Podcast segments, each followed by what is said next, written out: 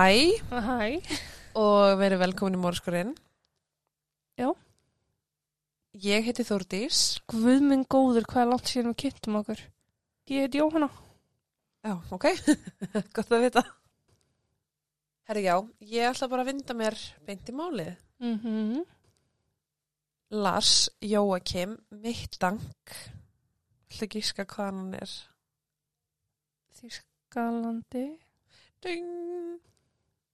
Hann fættist 9. februar árið 1986 í Berlín í Þýskalandi.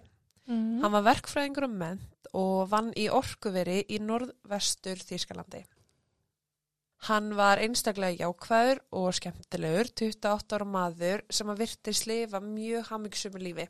Og hann var bara mjög svona æfintryggjan. Ok.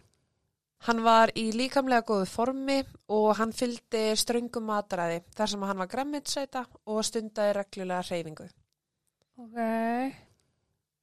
Hann var ekki með neginn heilsufarsvandamál og hann var ekki þekktur fyrir það innbyrða lifi í daglegu lífi.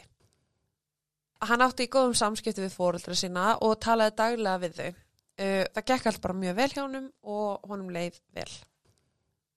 Þann 30. júni árið 2014 fór Lars á samt fjórum vinu sinum frá Norðu Þýskalandi þar sem að þeir byggu í ferðalag til Golden Sands í Búlgaríu. Ok. Þeir félagar höfðu verið saman í skóla og ákvaða að eyða viku saman í að ferðast og hafa gaman. Svona bara til að taka sér pásu frá daglegu hamstri. Mm Manstu þegar ég sagði eftir mann daglegu hamstri. We live and we learn. Krók og krýma og... Jú, jú. Vinirnir skemmtu sér konunglega. Þeir fóru á ströndina, lágu í sólbaði, stundu í nætuklúpa og borðuðu góða mat. Þú veist, þetta eru fimm vinir saman í djamferð, basically. Emitt. Þetta er bara chill og djam. Þeim fannst einnig mjög gaman að upplifa annan menningarheim og að prófa eitthvað nýtt. Þetta var akkurat það sem þeir hugsuðu sér þar til síðasta kvöldið kom en það var 7. júli. Þann daginn fóru þeir saman á bar þar sem að þeir horfðu á World Cup í fótbolta og fengu sér nokkra drikki. Lars og félagar hans voru að halda með einu liði á meðan hópur heimamanna fagnaði öðru sem er bara frekar eðlilegt, þetta er bara svona fótboltabúllur. Já, byllur. Þeir eru fótboltabullur en barinn er fótboltabúlla. Já. Ok. Það er alveg, það getur verið hættulegt að fara á fótbollaleik, til dæmis eins og í Breitlandi. En við vitum samt sem ára öll hvernig þetta er. Já. Eins og gerist og gengur, þá kom upp rifrildi þeirra á milli og málinn þróðust fljótt, ástandi versnaði og þetta var eiginlega bara að fara að enda í slagsmálum. Sérst milli heimamannana og Lars. Já. Uh, Lars hann fekk næstum á sig eitt högg og það var þá sem að vinir hann stigu inn í og bara dró hann í burtu og fóru barnum. Bara Men- let's go. Menn sjálfsagt verið í bjór. Já, já, já, Já. það fylgdi. Má samt alveg taka það fram, sko, þeir eru frá Þýskalandi og Mm. við erum í Búlgaríu. Já. Þetta var Holland að keppa á móti Argentínu. Svo að hljómar alveg spes, akkur heimamenn Búlgaríu er að rífast menn frá Þýskalandi um Holland og Argentínu. En, ok, það er sérst talað um að hægri kantmaður Hollands, hann var í Þýskaliðinu, því heldur þeir með, sagt, já, og það er samt ekki vitað hvers vegna þessir heimamenn voru að halda með Argentínu. En við vitum líka alveg, þú veist, getur vel verið að þessir heimamenn hafi verið bara frá Argentínu. Já, emitt. Skiptir ekki máli í máli máluna. Eða bara valir sér að halda með Argentínu. Já, eða það. Eftir þetta þá fóru þeir á McDonalds í nágruninu en Lars vildi ekki fara inn svo hann beigð fyrir utan og meðan vinir hans fengu sér að borða. En hann var jú græminsæta og það er veintilega ekki margt í bóði og matseli McDonalds sem að heitlaði hann plúsa ekki bara græminsæta heldur hann var líka fylgjast með sko kaloríum og öllu sem hann tók inn. Já, ok. Þannig að, já, Hann hefði ekki viljað vera með okkur út ekki dansk. hann hefði ekki verið til það sko. Ég held að það hafi verið McDonalds í öll mál. Þrísar á dag. Í En þú veist, spárið, því meira McDonalds sem þú kaupir, því Því meira pening áttur já. fyrir föt. Nákvæmlega, það var okkur motto í þessari ferð. Bam, bam, bam. En já, mögulega var hann einni ennþá í adrenalinkast eftir yfirvildin og gæti náttúrulega bara ekki setið kjör. Þú Já. veist, hann nýbúin að lendi í einhverjum átökum um að færa alveg, Í- já. já, blóði rís bara. Ég veit ekki alveg hvert að fara en þú veist, það fyrir Dr. Þórdís. Yes. Einnig var talað um að þar sem hann var að borða frekar létt í daglegu lífi, salat og slíkt að það myndi orsaka að hann væri fljótar að finna fyrir áhrifum áfengis heldur en vinir hans og var því fullar en þeir. Ég er ekki að staðhafa það að gremminsætur borðið bara salat sko. Nei, nei. En það er samt talað um að hann sé, sérst, Það getur það verið kannski eitthvað nærður. Já og það er þá ekki neitt sem að tengist í að vera gremminsæta, það er eitthvað sem tengist hans lífstíl með að vera telja ofan sér kalori og hann er bara fylgjast með, hann er bara eh, rosalega mikið að passa upp á hvað hann borðar. Já, já. Þeir vinnirnir kláruðu að borða og komu út en Lars var hver ekki sjáanlegur. Vinnir hans hugsuðu með sér að, hann, að honum hliti hafa leiðist og fara aftur á hótelherbyggera svo þeir fóru þangað og voru bara ekkert að spá í því. Hugsuðu með sér að hann myndi líklegast fá sér að borða á leiðinni heim og að lokum myndi þeir allir hittast. Þegar að þeir mættu upp á herbyggi var hann hvergi að finna og þeir spáðu í því hvað þeir ætti að gera næst. Ættu þeir að fara út að leita honum eða einfallega býða eftir því að hann myndi skila sér upp á hótel. Hann er jú fullorinn einstaklingur, 28 ára gamall og því enginn þörfu að hafa miklar áhyggjur og hann er líklegast bara að dunda sér einhver staðar. Klukkan var orðið margt og þeir ákveðu bara að fara að sofa. Lars myndi skila sér á endanum heim. Þeir höfðu rétt fyrir sér því þegar þeir vöknuðu þá var Lars komin aftur en hann hafði undarlega sög að segja. Hann hjælti fram að hópur manna sem hann taldi vera annarkort rúsneska eða búlgariska Ertu búlgariskur? Búlgarskur. Hann hjælti fram að hópur manna sem hann taldi vera annarkort rúsneska eða búlgarska að djóka það? Hvað minnur þau? Búls... Búlgarskur. Búlgarskir. Ok, já. Þeir voru annarkvort frá Rúslandi eða Búlgaríu. að þeir hafi ráðist á hann og var hann sannfærður um að þetta veri hópur sem að tengdist þessi fótbolta bullum sem hann hafði áttir yfirlega við á barnum. Mm. Þeir reynda að komast að því hvers vegna Lars hafi tekið það ákvörðun að fara frá McDonalds því að þeir voru vissir um að það hafi ekki verið ráðist á hann þar fyrir utan að þeir eru vantilega að séð ekki hann gluggan koma út og hjálpa honum. Já. Eh, Það var ekki mikið um svör að fá frá honum og hann muldraði bara svona flest allt frá sér. Hann gætt heldur ekki sagt þeim hvar hann hafi verið alla þennan tíma og gaf ekki neinn svör sem að make a sense. En hann var sem sagt í burtu í alltaf sex klukkutíma. Ok. Og þeir voru bara að spyrja, þú veist, hva, hvar varstu, hvað varstu að gera? Og það var alltaf bara eitthvað eh, svör sem að bara make a sense. Já. Þeir letu það því bara þar með liggja og hugsaðu bara, já ok, þú ert allan að komin heim, það er gott, Mhm. skiptir ekki máli. Þetta var síðastu dagur þeirra, svo þeir voru á leiðin heim eftir einhverja tíma. Eina sem þeir vissu var að Lars hafði verið lamin í höfuðið og vildur að hann myndi fara til læknis til að aðtuga með það, því hann gæti náttúrulega verið með höfuð áverka og þess vegna væri hann svona stuttur um svör og væri að muldra. Já. Hann samþykti það og fór og heimsótti lækni sem að greinda hann með sprungna hljóðhimnu sem að hljómar náttúrulega bara mjög sásökafullt. Mhm. En samt einhvern veginn svo sanklaust með að við hvað er í gangi. Já. Alltaf bara hann hefur þá fengið högg Já. þar. Læknirinn sagði honum að hann ætti ekki að fara í flugum kvöldið því flugferðin gæti auki meðslinn og valdi varalegum skada þar sem er mikinn þrýsting er að ræða. Þú veist, þegar þú ferð að fljúa, þú er með sprungna hljóðhimnu. Ái. Ég get, já, ég get ímynda mér þann sásöka. Mhm. Hann mælti með því að hann myndi fara í aðgerð til að gera við hljóðhimnuna sem að gæti leift honum að fljúa daginn eftir en Lars neitaði því og sagðist alltaf kanna möguleikan þegar hann kemi aftur heim til Þýskalands sem er alltaf bara miklu ódýrar fyrir hann að fara í aðgerð í sínu heimalandi. Já.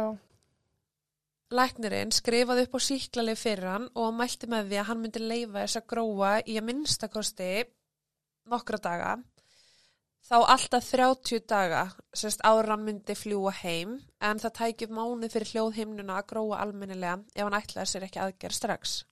Ok. Hann tók eftir því að Lars virtist vera mjög taugaveiklaður og órólegur og virtist vantreista lifinu sem hann hafði ávís á honum. Mm. En eins og ég sagði í byrjun, þú veist, hann var ekkit að taka eitthvað lif, hann bara vildi Já. ekki taka neitt inn í líkamann sem að, já. Og svo samanskapi þá náttúrulega vissi hann líka ekkit hvaða lif þetta var. Nei. Hann rætti ástandi við vini sinna sem að buðust til þess að vera hjá honum áfram en Lars krafðist þess að þeir myndi fara heim og hann myndi bara spjara sig. Mm. Þetta væri bara nokkri dagar. Hann ætlaði að fá sér ódýrt hótel og dúsa þar þongu til hann gæti farið í flug. Í mánuð. Nei, hann ætlaði bara að taka sér nokkra daga. Já, ok. Þú veist, læknirinn sagði nokkra daga en fullgróið 30 daga. Já, skilja. En hann ætlaði bara aðeins að býða, fljúa heim og fara í aðgerð heima fyrir, Mm heima á sér. Þeir samtöktu það og Lars fylgdi þeim út á flugvöld til að kveðja þá við innritun og kom sér svo fyrir á hóteli sem var í nákvæmni flugvöllarins. Hegðun hans þarna var samt sem áður orðin mjög undarleg og það skildi ekki hvers vegna. Uh, þetta sama kvöld sem að vinir hans höfðu farið í flug Mm. að þá ringdi hann í móðu sinna og baði hann um að loka öllum bankakortunum hans. Henni þótti það mjög spes og bara rugglingslegt en það væri sonurinnar ekki komin heim og óvíst hvernig hann myndi koma og vantilega myndi hann þurfa að nota fjármunni og meðan hann dvaldi hana. Uh, hún sagði samt sem ára ætla að gera það fyrir hann daginn eftir þegar bankin myndi opna. Ok. En þú veist, hann er að gera ráð fyrir að hann vera í Búlgaríu í allavega, allavega kannski fimm dagi viðbót á Mhm. okkur hóteli og hann er að láta loka bankakortunum sínum. Þú, Já. þú þarft þessu kort. Já, líka þú veist, í öðru landi, ef ég er ekki með pening í öðru landi, Skur, Hiliður nakin, sko, já. Frá myndbans upptöku úr eftirlitsmyndavölum hótelsins sem hann fór á, þá sást að klukkan eitt eftir miðnætti var Lars að gangi um hóteli í nokkra klukkutíma. Hann fór eitthvað í liftuna eins og hann væri að fela sig frá einhverjum þó að engin annar sægist á upptökunni sem minni frekar mikið á Elisa Lam. Ég ætla Pálið. að segja það. Já. Klukkan þrjú þá ringdi hann aftur í móðu sinna og í þetta skipti þá var hann að kvísla. Þannig að frá 1 til 3 er hann bara að ganga um hótelgangin, hann er að fara inn í liftinu, út úr liftinu, kíkja, bara gesskrítin. Mm. Sandra, móður hann, sagði að hann hljómaði skelfingu lostin þegar hann sagði móður sinni að hópur manna væri á leiðinni að fara að ráðast á hann og hann væri hrættur um að þeir myndi drepa sig. Hann sagði að þetta væri líklegast menn frá Rúslandi út af þessu fótboltaririldi og hann var bara með ákveði orsakna brjálaði. Já. Sandra sagði að hún hafi heyrt hjarta hans slá í gegnum síman og vildi spurja frekari spurninga um hvað væri að en vissi að sonurinnar ætti að koma heim daginn eftir og vissi að þetta myndi leysast svo hann ákvað bara geima þessar spurningar. Þarna var hann sérst búin að taka það ákvörðun hann ætlaði bara að drífa sig heim. Já. Og hann var auðlöslega hrættur út af einhverju. Mm Stuttu síðar sendir hann henni SMS og spyr hana hvað CFC 500 sé. CS er ekki sé stafurinn heldur hvað það sé, hvað það er. Ó, já, ok. Ó. En það er, sérst, hann er að tala um antibiotic Sevprosil. Ok. Já. Einhver síklarleif. Já, sem að hún var upp, eða sem var upp að skrifa Já. til hans. En það er einmitt, CFC er þessi skamstöfun fyrir síklarlifi sem hann fekk frá læknunum. Mamma hans fullvissaði hann um að þetta veri almennt lif og mjög örugt fyrir hann að innbyrða. Hann var ekki beint típan enn og aftur til að taka lif og þótti það mjög óþægilegt. Og hann var því að spurja móður sinna þú veist, hvað er þetta, má ég taka þetta, er þetta Mhm. lægi? Og hún segi bara, já, þetta er ekkit mál, takk Ok. þetta. Að því hann var ekki að taka lifastæðaldri og fannst það óþægilegt Já. að þá hlýtur að verið einhver ástæða fyrir hann hafi viljað taka þetta og fræðast um hvað þetta er. Mm Hann hefur þá verið með eitthvað sásuga, líklegast. Annars væri hann ekki að spá í þessu. Hann sá allan ástæði til að taka. Já, og til að kynna sér hvað þetta er, annars hefði hann Mhm. bara hent sig. Myndi ég halda. Já. Lars fór stuttu síðar af hótelinu og tók farangur sinn með sér. Það er ekki vitað hvert hann fór á þessum tíma, en hann var sérst í burti um klukkutíma og kom svo aftur á hótelið og þá væntalega svaf þar til daginn eftir þegar hann átti flug. Hann fer um nóttina, tekur farangur sinn með sér, fer ekkert, kemur aftur klukkutíma síðar, með farangurinn aftur og fer að sofa. Þú veist, akkur var hann að taka farangurinn með sér. Who knows? Já. Ok, ég spáði fyrst í því, bara ok, af hverju tekur hann ekki bara lest eða eitthvað, ef hann má ekki fljú út að eyrun á sér, Já, ég pældi þessu upp þegar þú nefndi þetta fyrst, sko. eða leiði sér bíl eða eitthvað, þú veist, sérstaklega ef hann var að haga sér svona eins og einhver væri eftir honum, Mm -hmm. það, veist, það er ekkert vita hvers vegna, en sérst, milli Þýskalands og Búlgaríu eru 1990 kílometrar sem eru 22 ykkur ferðalag ef ekki er á bíl Já, og það gæti mögulega verið að stoppa hann. Þú veist, sásökin sem hann var með já, og bara tilhugsunin að fara að keira í 22 klukkutíma já. þannig að úst, líklega slangaði hann bara að komast heim sem allra fyrst og þess vegna vildi hann taka flug sem er kannski bara klukktíma eða eitthvað slíkt. Mhm. Klukkan 6 um morgunin kom Lars á flugvöllin með leigubíl sem hann fekk frá hótelinu sinu en hann deildi honum með öðru pari sem var að fara á sama stað.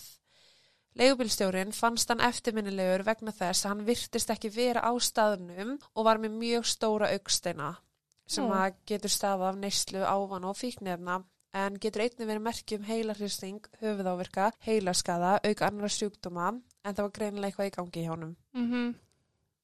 Þannig að augasteinir eru mjög stórir og Já. hann er bara eitthvað skrítinn með óráði. Já.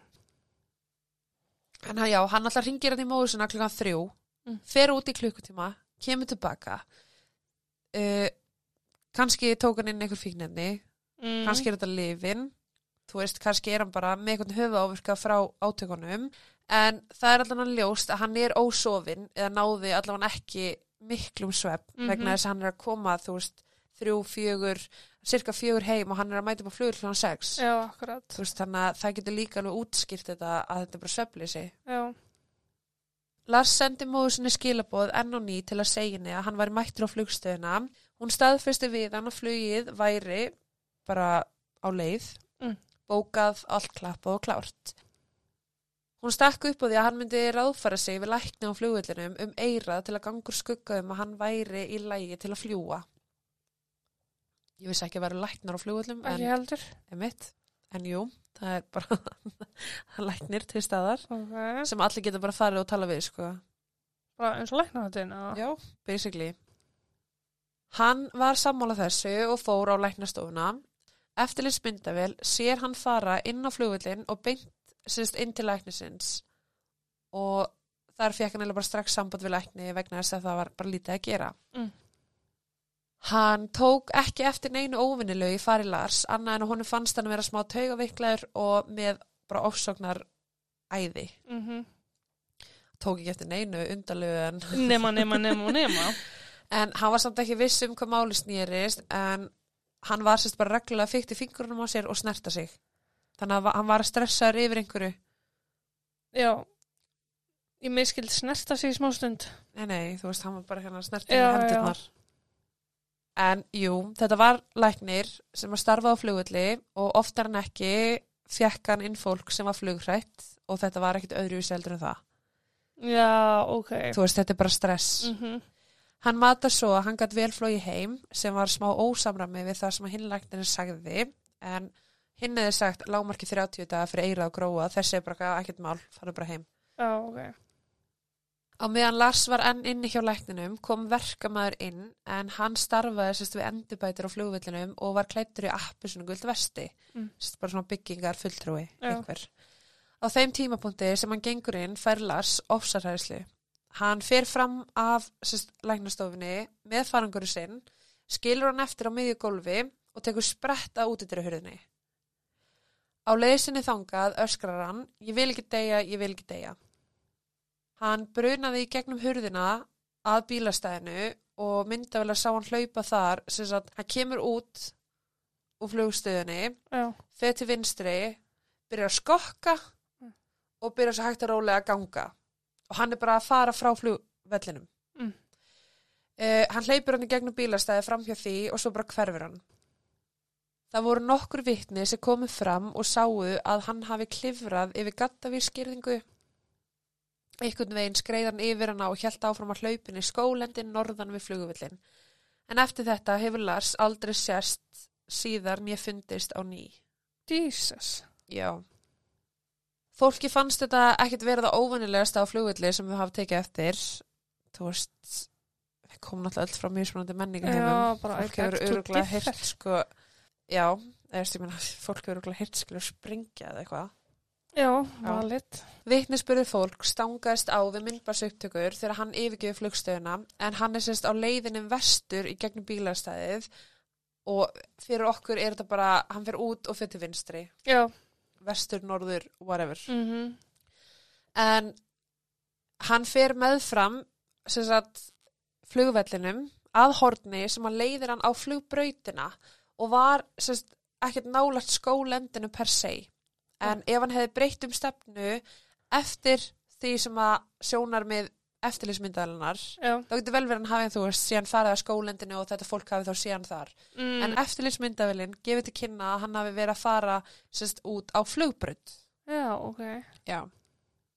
Um, já, hann alltaf bara brunar út, byrjar að skokka og byrjar svo að ganga. Skokkar aftur og ég mun setja upptöku af honum hlaupa út inn á Instagram Ok. þannig ég mæla alveg með því að skoða það. Já.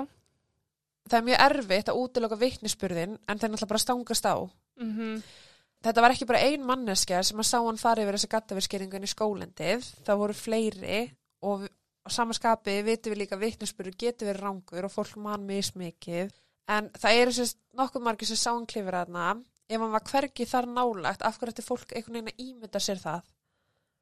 Já. The Sun dagblæði sagði frá því að það var eitt skipti sem hann sást mögulega árið síðar eða 2015 af vörubílstjóra sem sagðist hafa sótt mann sem var ekki neinum skóm og ég raun bara heimilislaus og hann hafi veitt þessu manni far. Hann sagði síðar hafa frétt af Lars og taldi að maðurinn sem hann sótti væri Lars en rannsakandur hafa ekki getað útilokað það eða verið bara eitthvað, já, þetta er Eh, hann. Var það í Búlgaríu eða? Já, Já, hann alltaf kemst það rúglega ekki út á landi nema framvísa vegabrifi. já hann, er, hann skildi allt út sitt eftir. Já. síma sinn hlað búið að loka bankakortun hans Mm ég menn akkur að loka þetta daginn eftir og svo hleypur út á flugullinum Skrítið. mjög skrítið Fjölskyldan réði engarspæra til að leita af Lars í Búlgaríu en þeir fundu aldrei neitt eða neinn ummerkjum mann. Það var enginn sem að steg fram eða sagðist að var séðan eða vissi hvað hann var niðurkominn og það er bara bókstallega ekkert. Mm. Það hefur verið hér og þar bara eitthvað, já, það, ég sá Lars þarna, ég sá Lars þarna. Eins og er alltaf. eins og er alltaf, já, og, og það er búið að gera stóra leit á svæðinu, þú veist, í skólendinu, það er búið að gera leit þar, það hefur ekkert fundist, ek, ekki einhver bein eða neitt, þú veist, það fannst aldrei lík, Mhm, mm mhm. og samanskapi hafa ekki fundist einhver bein hann, eins og hann hafi orðið þá þar úti, um, og það er búið að leita, þú veist, á þessum radius, flugvallar radius, Mm. og bara, það er bara eins og hann hafi bara hlupið út og bara gufað upp bókstallega. Já. Margar kenningar hafa verið skoðaðar í gegnum árin og þetta mál sko, var talið vera vinsalasta mannskvarfið árið 2015 á YouTube. Nú, ok. Já. En það er líklega vegna þess að myndbarsaupptökan af honum hefur verið gerð já. Lörglun hefur enga tapa með því að byrta hana ekki. Nei. Þannig að ég ætla bara að fara í þessar helstu kenningar. Það er ekkert meira við þetta mál að bæta. Kom fjölskyldan hans til Búlgaríu eða eitthvað Já, já, það var alveg, þú veist, það var gerð leit og þau eruð engaspæjara sem að reyndu að fá hann. Það var alveg almennileg rannsók hafin, mm. en það var bara ekkert sem að kom úr því. hann líka, hann fer sjálfviljur verðist vera. Ja, hann hleypur út. Já, þannig að laurinn er kannski ekki að díla við neitt saknæmt. Nei, Nei, þetta er bara eins og að leita af nál í heistakki Já, án þess að setja nálinu í heistakkin til að leita af henni, sko.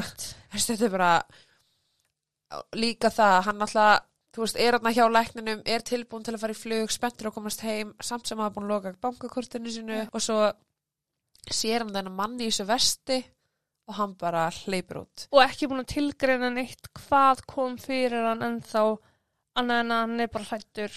Já, hann er bara hrættur og hann Já. segir sko, hann tekur sérstaklega fram að einhverju rúsneskir menn séu á eftir honum Já. En já, kenningar.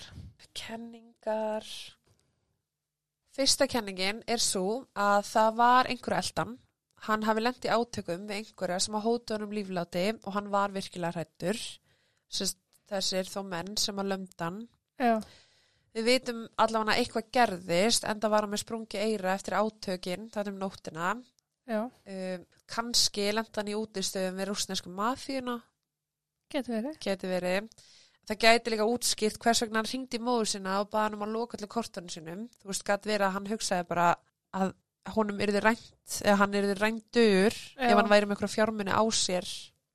Veit ekki. Hann gæti þó einnig að hafa spurt um lifin sín til að vera viss um að hann væri með heilan hug. Stöðugt og einbett hugafar hann þyrft að bregðast fljótt við og verja sig. Hann væri ekki rugglegar og sifjaður. Mm það meikar samt svo mikið sens að því maður pælir í þessu að maður fær verkjalið upp á skrifið. Já, þú veist, er ég að fara að keira eða ekki? Já, einmitt. Já. Það er mögulegt að fólk hafi virkilega verið sendt til að ráðast á hann á einhverju tímapunkti en hann hljóp frá þeim frekar hann að berjast við þá sem er náttúrulega bara eðlileg viðbröð Já, og ekkert hvað fólk þetta er. Í ljósi þess að hann hafi staðið fyrir sínu áður og varslæðsar þá getur vel verið að hann var bara skítrættur. En það sem að fyrir gegn þessari kenningu er ef hann var svona virkilega hrættur af hverju bara hann þá ekki vini sinum að býða með sér en það buðist þér til þess. já, Af hverju ætti hann að segja að fara heim án hans og skilja hann svona- eftir já, ef hann væri svona virkilega skítrættur. Ef það væri ég, já, ég myndi segja ykkur öllum. Ég myndi, ég myndi lím ykkur við hótelgólfið, sko. Ég myndi ekki leiða ykkur að fara. nei. Það er engin ástæða fyrir heldur að þeir ættu að fara. Nei. Og sem sagt, svo eru önnur rauk sem að fara gegn þessari kenningu og einhver hafi verið sendur til að ráðast á hann en veist, við verðum líka átt okkur á því að hann var á ofinbjörn flugvilli. Mm Ef þessi menn myndu koma að honum og ætla að gera eitthvað þá er sko fullt af fólki kring, öryggiskesla Til þess að grípa inn í. að grípa inn í veist, það er allt þarna, lauruglan er þarna þannig að hann er í, í raun á geðvitt örugum stað Já. í kringum fólk Mm í staðan fyrir að hlaupa út þar sem hann endar ykkur starf einn Já.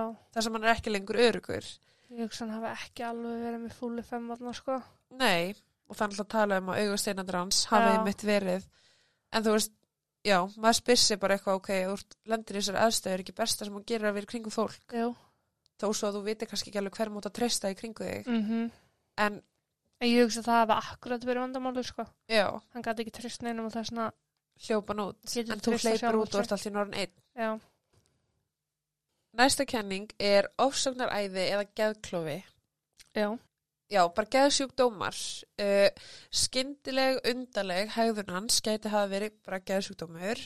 Það myndi útskýra hvers vegna hann held að einhver væri eldan og hvers vegna hann hafði svona mikinn áhuga á töflunum sem hann hafi fengið. Mm Uh, fólk sem að þjáist af sjúkdómum eins og ofsóknabrjálega eða geðklofa, það mun oft reyna að neyta livjum vegna þess að treystir ekki lifinu sjálfu og heldur að fólk sé að skada þau á einhvern Mhm. hátt eins og með því að eitra fyrir þeim. Akkurat. Tristur ekki viðkomandi sem er að veita í lifin. Nei, og það er einmitt, þú veist, eins og hann er, allt sem hann er að borða, þar sem hann setur, sérst, hann innbyrðir ekki lif, hann vill Mhm. ekki, hérna, borða hvað sem er, þú veist, Já, að þetta, að hans sjúkdómar hafa verið að brjótast út í hans hegðun bara áður. já, Já, með svona áráttu hegðun. já.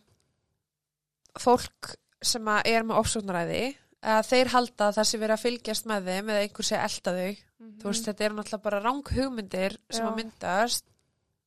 Uh, aðstæður sem þessar byrja vennilega hjá fólki um miðjan aldur eða nær þrítugs aldri. Já.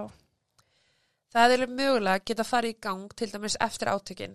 Þú veist að þetta hafa bara verið kveikina þessu öllu saman. Já. Að þetta er kannski, já, er kannski að brjótast út, þú ert kannski með hennan sjúkdóm undirleikjandi, Mm ert ekki alveg búin að átta þig á því og hérna, svo lendur í þessum átökum og Já. það bara eitthvað gerist. Áföll er náttúrulega oft stærsti tryggjarinn fyrir. Já, nákvæmlega. Um, þú veist, fjölskyldan hans harneitaði fyrir það að hann væri með geðsjúkdóm og enginn í fjölskyldinu væri með slíkan, þetta er náttúrulega ekki argengt. Nei, Þú veist, við skulum alveg taka fram að þó svo pappin sé ekki með þetta og þýðir ekki að að svona get ekki fengið þetta. Vi- Já, mér finnst líka fólk ofta vera mjög viðkvæmt fyrir því að viðkjanna geðsjúkdóma í sínu nánasta fólki, sko. Getur líka alveg tekið inn í myndina, þetta er að gerast fyrir einhverjum árum, hvað, sjö ár síðan, mjög mikil vitundvakning. mjög mikil, sko. Sjö ár síðan 2015. Já. Það er 2022. Írin er verða sjö ára. Shit. Almáttur. Já, ok. Hér er ég en þá bara að klappa kettinu mínum, Svo átt ekki. sem ég á ekki eins og sko. Þetta er allan önnur kenning. Bara var einhver eldan upprunanlega, gætt verið að hann hafa kannski dottið á hausinn. Já. Uh, og En það vita að hann hafi- fekk höggu höfuðið, eða ekki? Jú, hann Já. fekk högg á höfuðið en það er ekkit endilega sagt að hann, einhver hafi kýlt hann. Nei. Það er bara sagt að hann fekk, Já, það er ekki ekki- vita hvernig. læknir getur ekkit sagt hvað gerðist. Nei. En hann getur séð bara áverkana. Þannig að, veist, það eru þessar tvær kenningar að hann til dæmis, hann hafi verið skítrættu við ykkur og það er bara rétt, það var eitthvað eldan mm, eða þá þetta hafi bara verið eitthvað sem hann hafi gert sér upp í haustum já.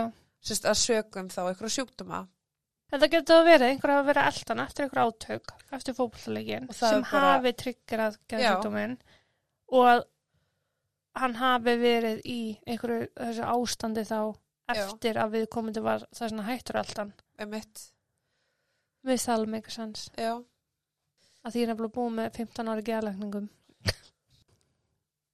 Næsta kenning er lifi sem hann fekk.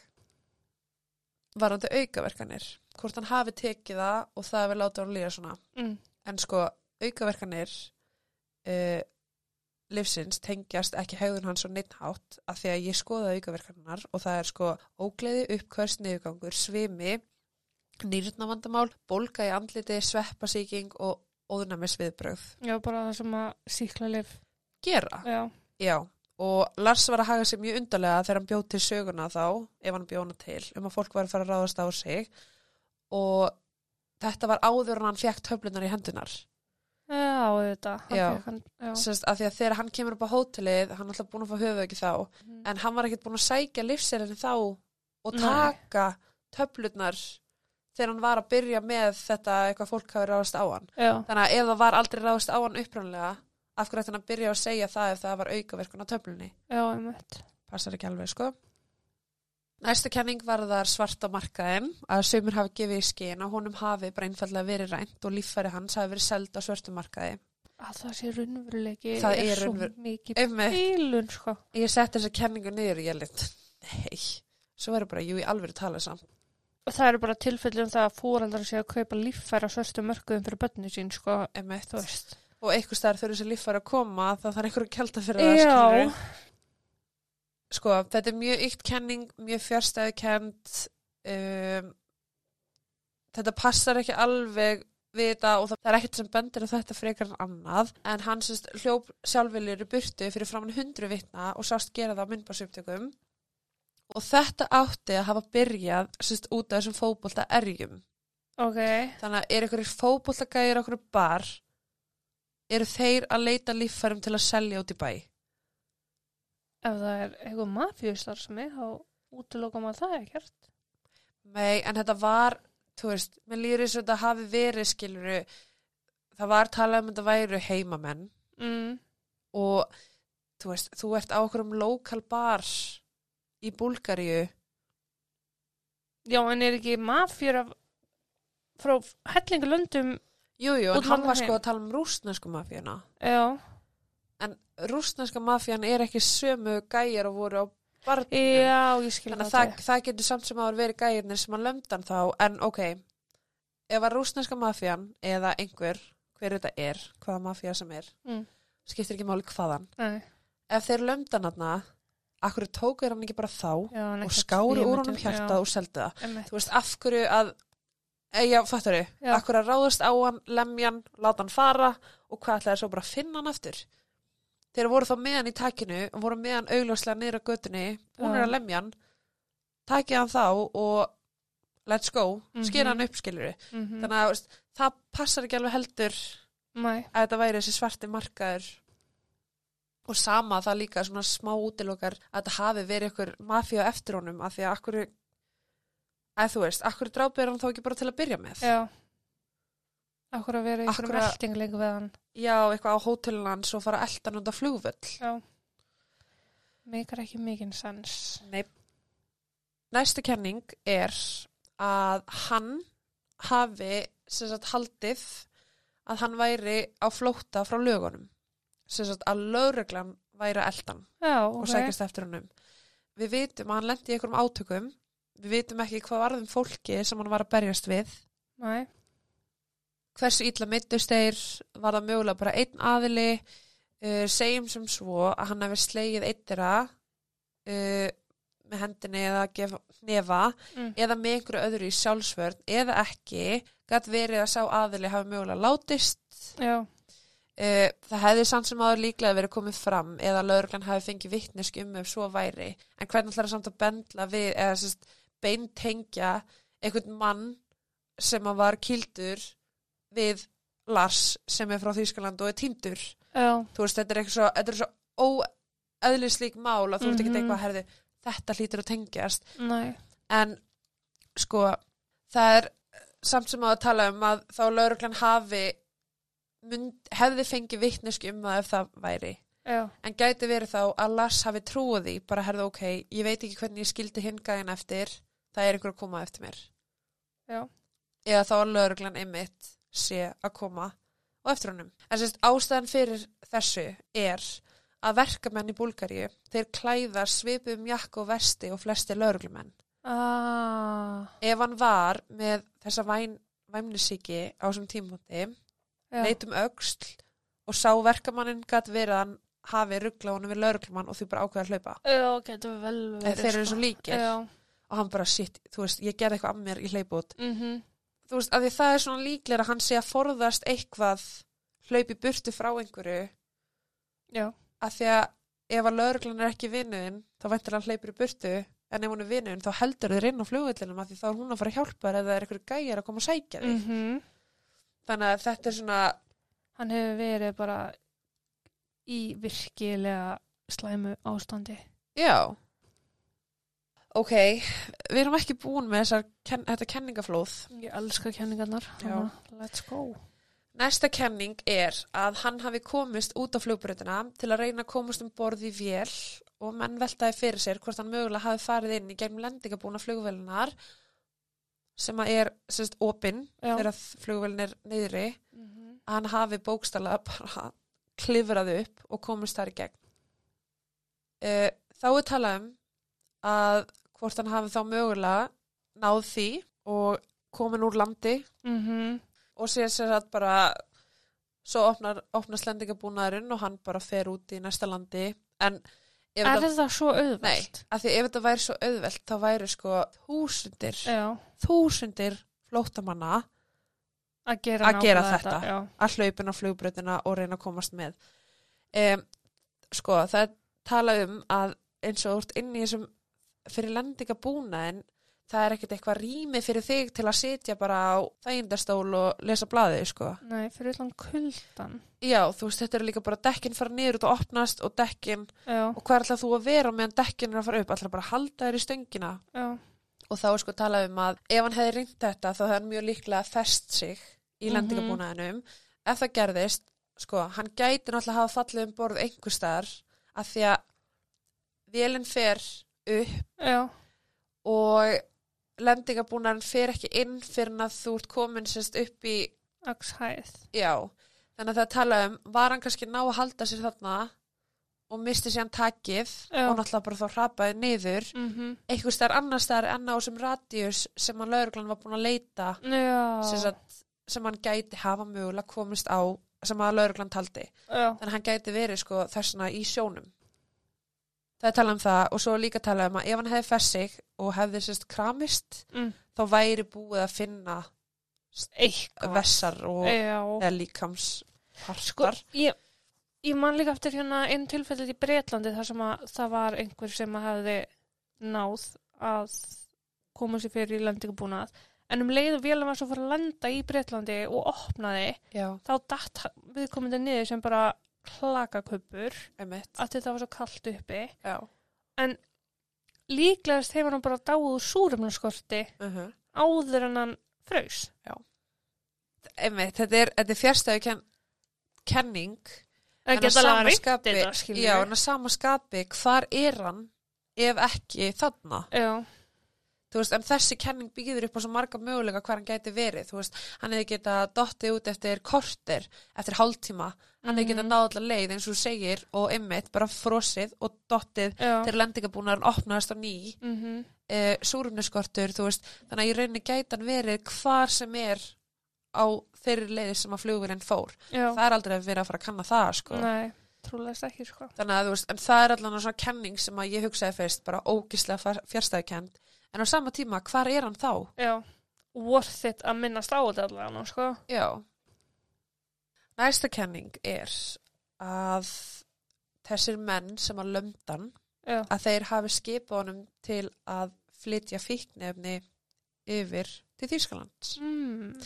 Þá annarkvort að hann hafi innbyrta tekið það í sagt líkamann og þau hafi verið að ripna í gegn Já. og þess vegna hafa hann verið að fá þessar stóran augstein uh, verið í óráði Mm eða óráði en að, þú veist að hann hafi kannski þá gleift þau átt að flytja þau yfir með flugvelni eða þá að uh, því hafi verið komið fyrir í töskunum hans Já. vegna þess að hann fór út á hótelni í hennan klukkutíma Já. með töskunum sinna og kom tilbaka sko það fannst, hann skildi farangurinn sinn eftir á flugvellinum Já. bara á miðju flugvelli og það er alltaf bara búið að skoða töskuna og það er engi fíknefni í töskunni Nei. þannig að það, svo kenning passar ekki Mm. þannig með akkur tók hann farangurinn sinn með sér og kom aftur um hóteli miðjanótt nema kannski einhver hafi sett fíknefni í töskuna Já.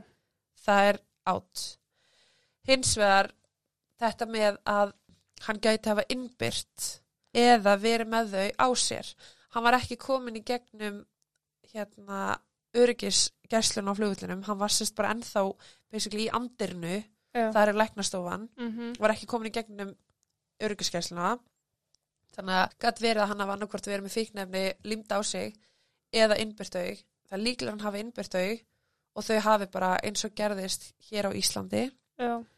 Sprungið. Já, og þar leðandi að þú ferð ekki og letur pumpa þau úr eða taka á eitilifin úr að það er að leta overdosar, þú já. óverdósar og þú veist, hann var með þessa stóra auksteina hann var í ykkur óráði Mm hversu ofta ætla að segja í óráði Með óraði. en já, það er sérst talað um getur verið að hann hafi einhvern veginn enda þannig að hann var orðið burðadýr Já. Getur að hafa verið mennirnir, fótboltamennirnir, getur að verið að hann hafi mætt einhverjum rúsneskri mafíu því hann tala svo mikið um rúsneska mafían, Já. hvort hann hafi hitt þá og það er bara herði við dreip þig og alla Mm ef þú gerir þetta ekki. Ég held bara einhvern veginn að maður hefði kannski séð meiri líkamlega einkenni hjá honum.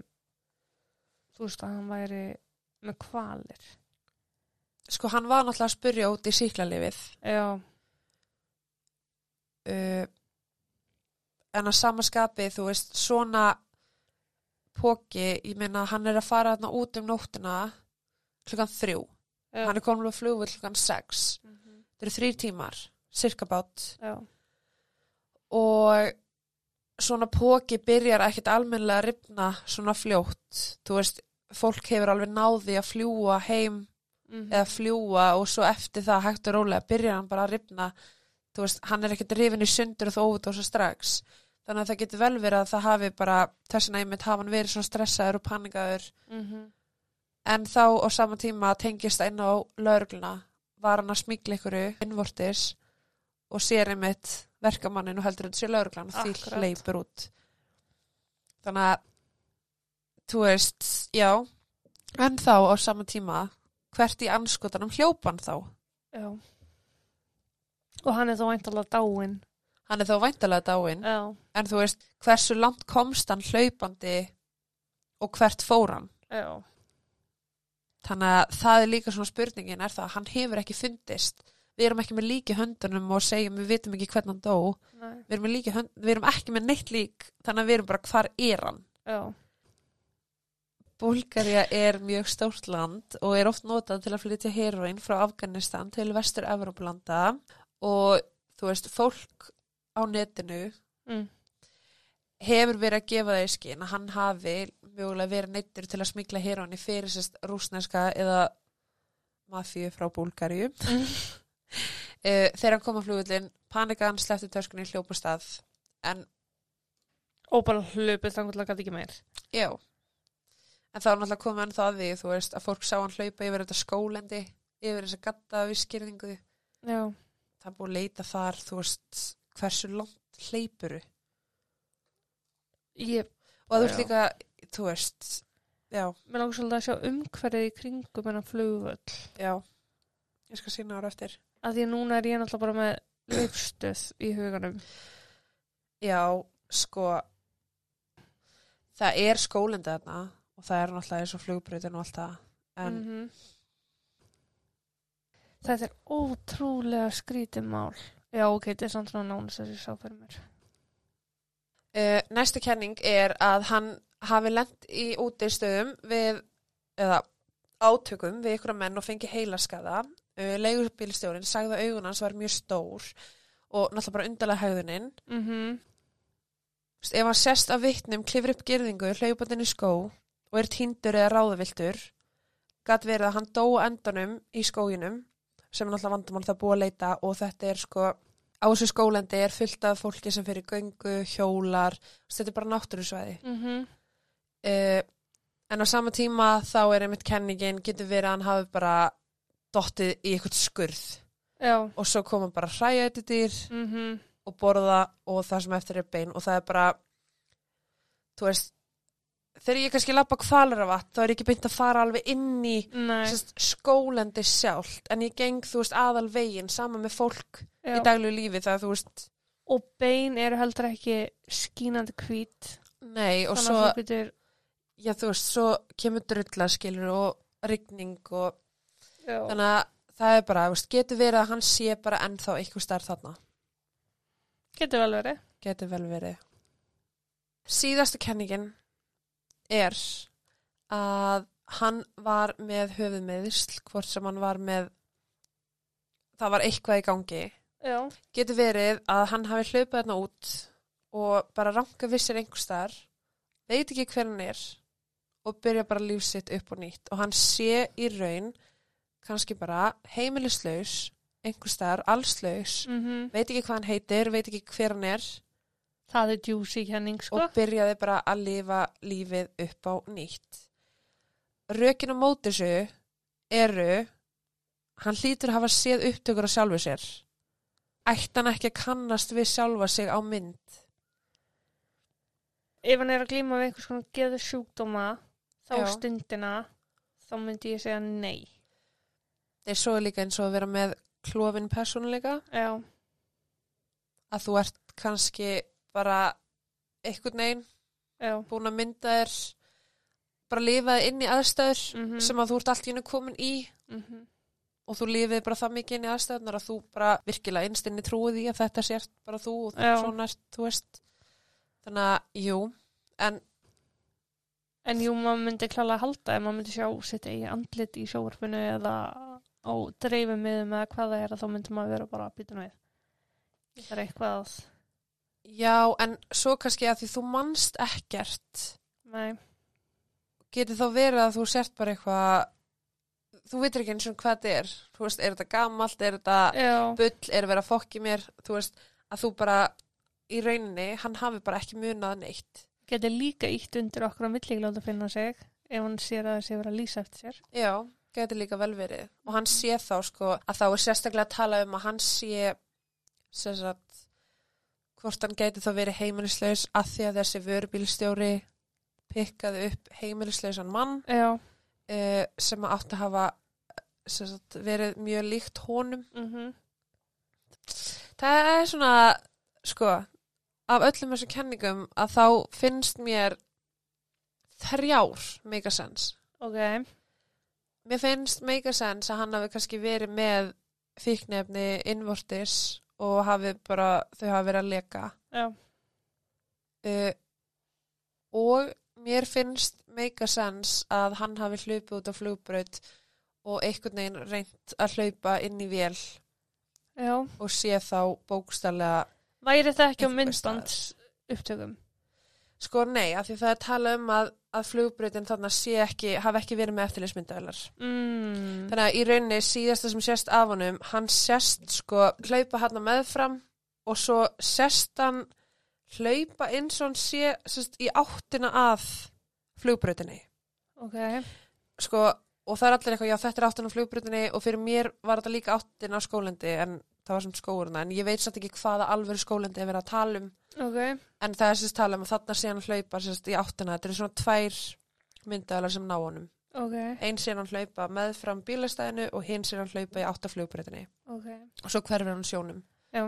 en svo líka pluss það svo getur vel verið og þegar hann hafi komið frá hotni þar hann hafi þá bara gengið alltaf rátt og farið eitthvað allt annað. Mhm, þó svo að myndavélinn hafi ekki náð honum þar þá kannski gekk hann ekki sömuleið tilbaka. Já, að sama tíma þá er maður bara eitthvað ok, hvar er hann þá já, ekki nema þú veist að sami fíknefnin ef að fíknefnin voru að blæði gegn leka í gegn hvar er hann þá? Já, hann dáinn, einhvers þar. Já.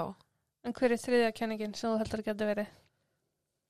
Sko, þriðja kenningin sem ég fann svona vera líklegust þannig séð er bara eiginlega beintenging á það að hann hafi verið með eitthvað geðsjúkdóm en að samskapi að hann bara annarkvort veit ekki hver hann er í dag og sé bara að lifa lífinu einhvers þar. Mhm. Jú, Af því að þú veist, ég, sko, ég get alveg séð mynd lístur eftir þessum og svo gengið niður laugavegin og það getur allir fyrir mér verið þessi maður Já. sem hann lístur eftir og það getur líka enginn verið það 100%. og svo plúsa að þú ert kannski búin að vera ekki að komast í snirtiförur eða rakvél og annað slíkt Mhm. Vera með án hárs í Já. andlitinu gerir rosalega mikið Rosalega veist- mikið.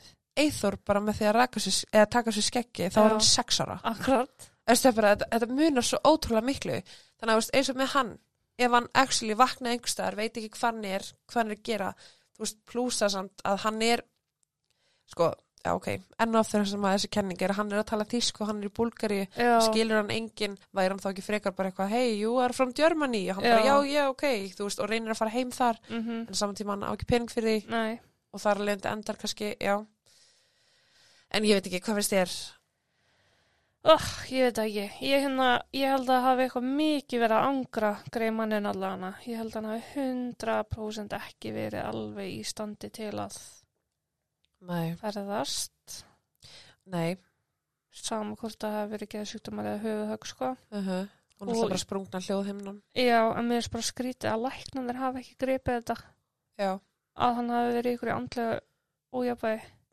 Nei, bara síðari læknirinn sem svo tók eftir að hann var stressaður á flugvöldinu. Já, en, En fyrir læknirinn, þú veist, þú kemur inn, en hann, kem, þú veist, hann, hann kemur væntalega inn og segir við setni læknin, ég fikk höfuðhögg, ég með sprungið Já, og hann alltaf sér það líka í kerfinu sinu. sko. Já, þannig að hann hefði átt að vita, hann- hann hefði kannski átt að vera aðeins opnari fyrir því að það gæti verið eitthvað meira að en bara flugræðsla eða stress. Já, en það er mér tala um, sko, að, að þessi læknir er að því hann vinnur á flugvöldi, Mm. þá dílar hann að mestu við fólk sem er að koma og er að fá eina söptöflu fyrir flug og er að fá, Ef þetta er alveg hægt þá þarf ég að gera það. uh -huh. Allan í Búlgaríu. Já. Þú kannski kíkir í skólendi á meðan þú ert þar. Ég Að þarf ég að komast þangað, ég þarf að fá töflu til þess að komast þangað. Ég stýi ekki upp í flugvel nema að vera að, Oh my god, ég elska að fljúa.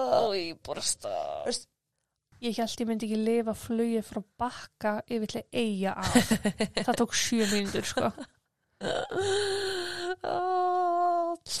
En það, þú veist, í svona litlum rellum það bara, já, hvað er þú þung? Ég er ekki að fara að segja hvað ég er þung fyrir að fyrsta. Nei, sko, stað, Ná, eða, sem, sitt bara hér og þú þarna og fara þú aftast. já, staðallin er sko 85 kíló og sko, ég veit ekki hvort sé búið að breyta því en þú veist, það var sko 85 kíló sama hvort þú sért 200 kíló kallmaður eða ekki. Já, var bara manneskja 85 kíló bad X og svo er það alltaf bara að hlaða í vélina farminum, já. þannig að þú veist, Þessi vél var 100% allt og þung með það bara áfengismagn sem allir voru með sér. vorum líka með tjaldið og eitthvað allt rasli með okkur sko. Já, ég, oh my god. Þetta, var, þetta var skemmtilegt. Uh, já, það eru liðin 7 ár, 5 mánuður og 28 dagar síðan að hann týndist upp á dag í dag. Wow. Þannig að ekkert hefur komið fram, engi veit neitt og já, Þetta er svona mál sem að enginn er að fara að vita neitt. Við erum aldrei að fara að koma að segja hvað kom fyrir hann, sko.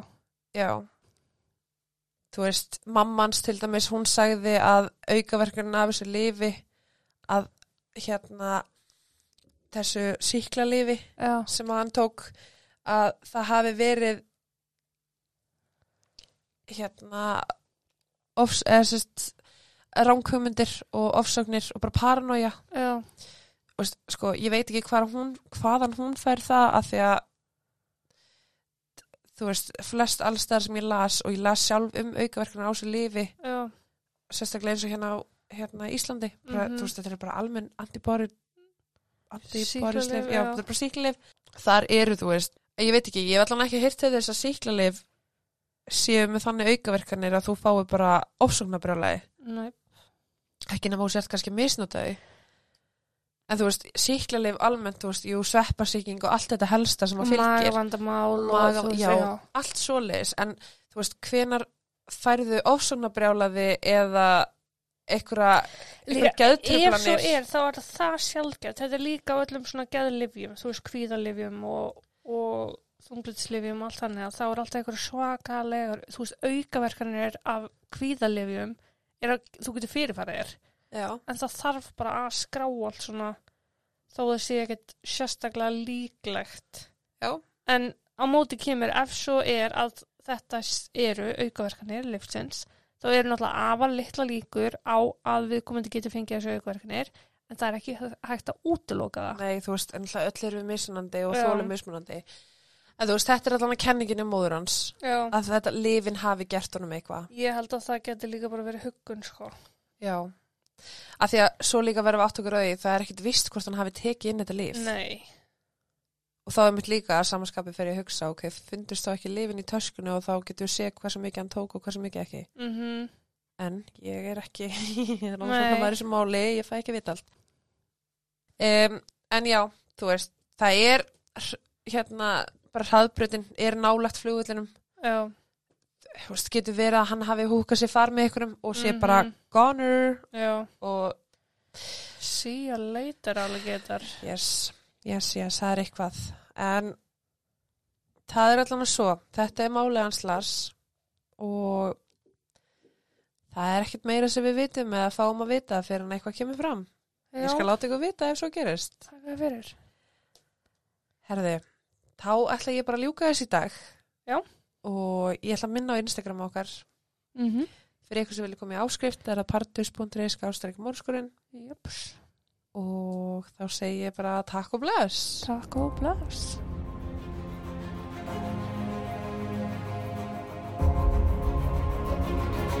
Thank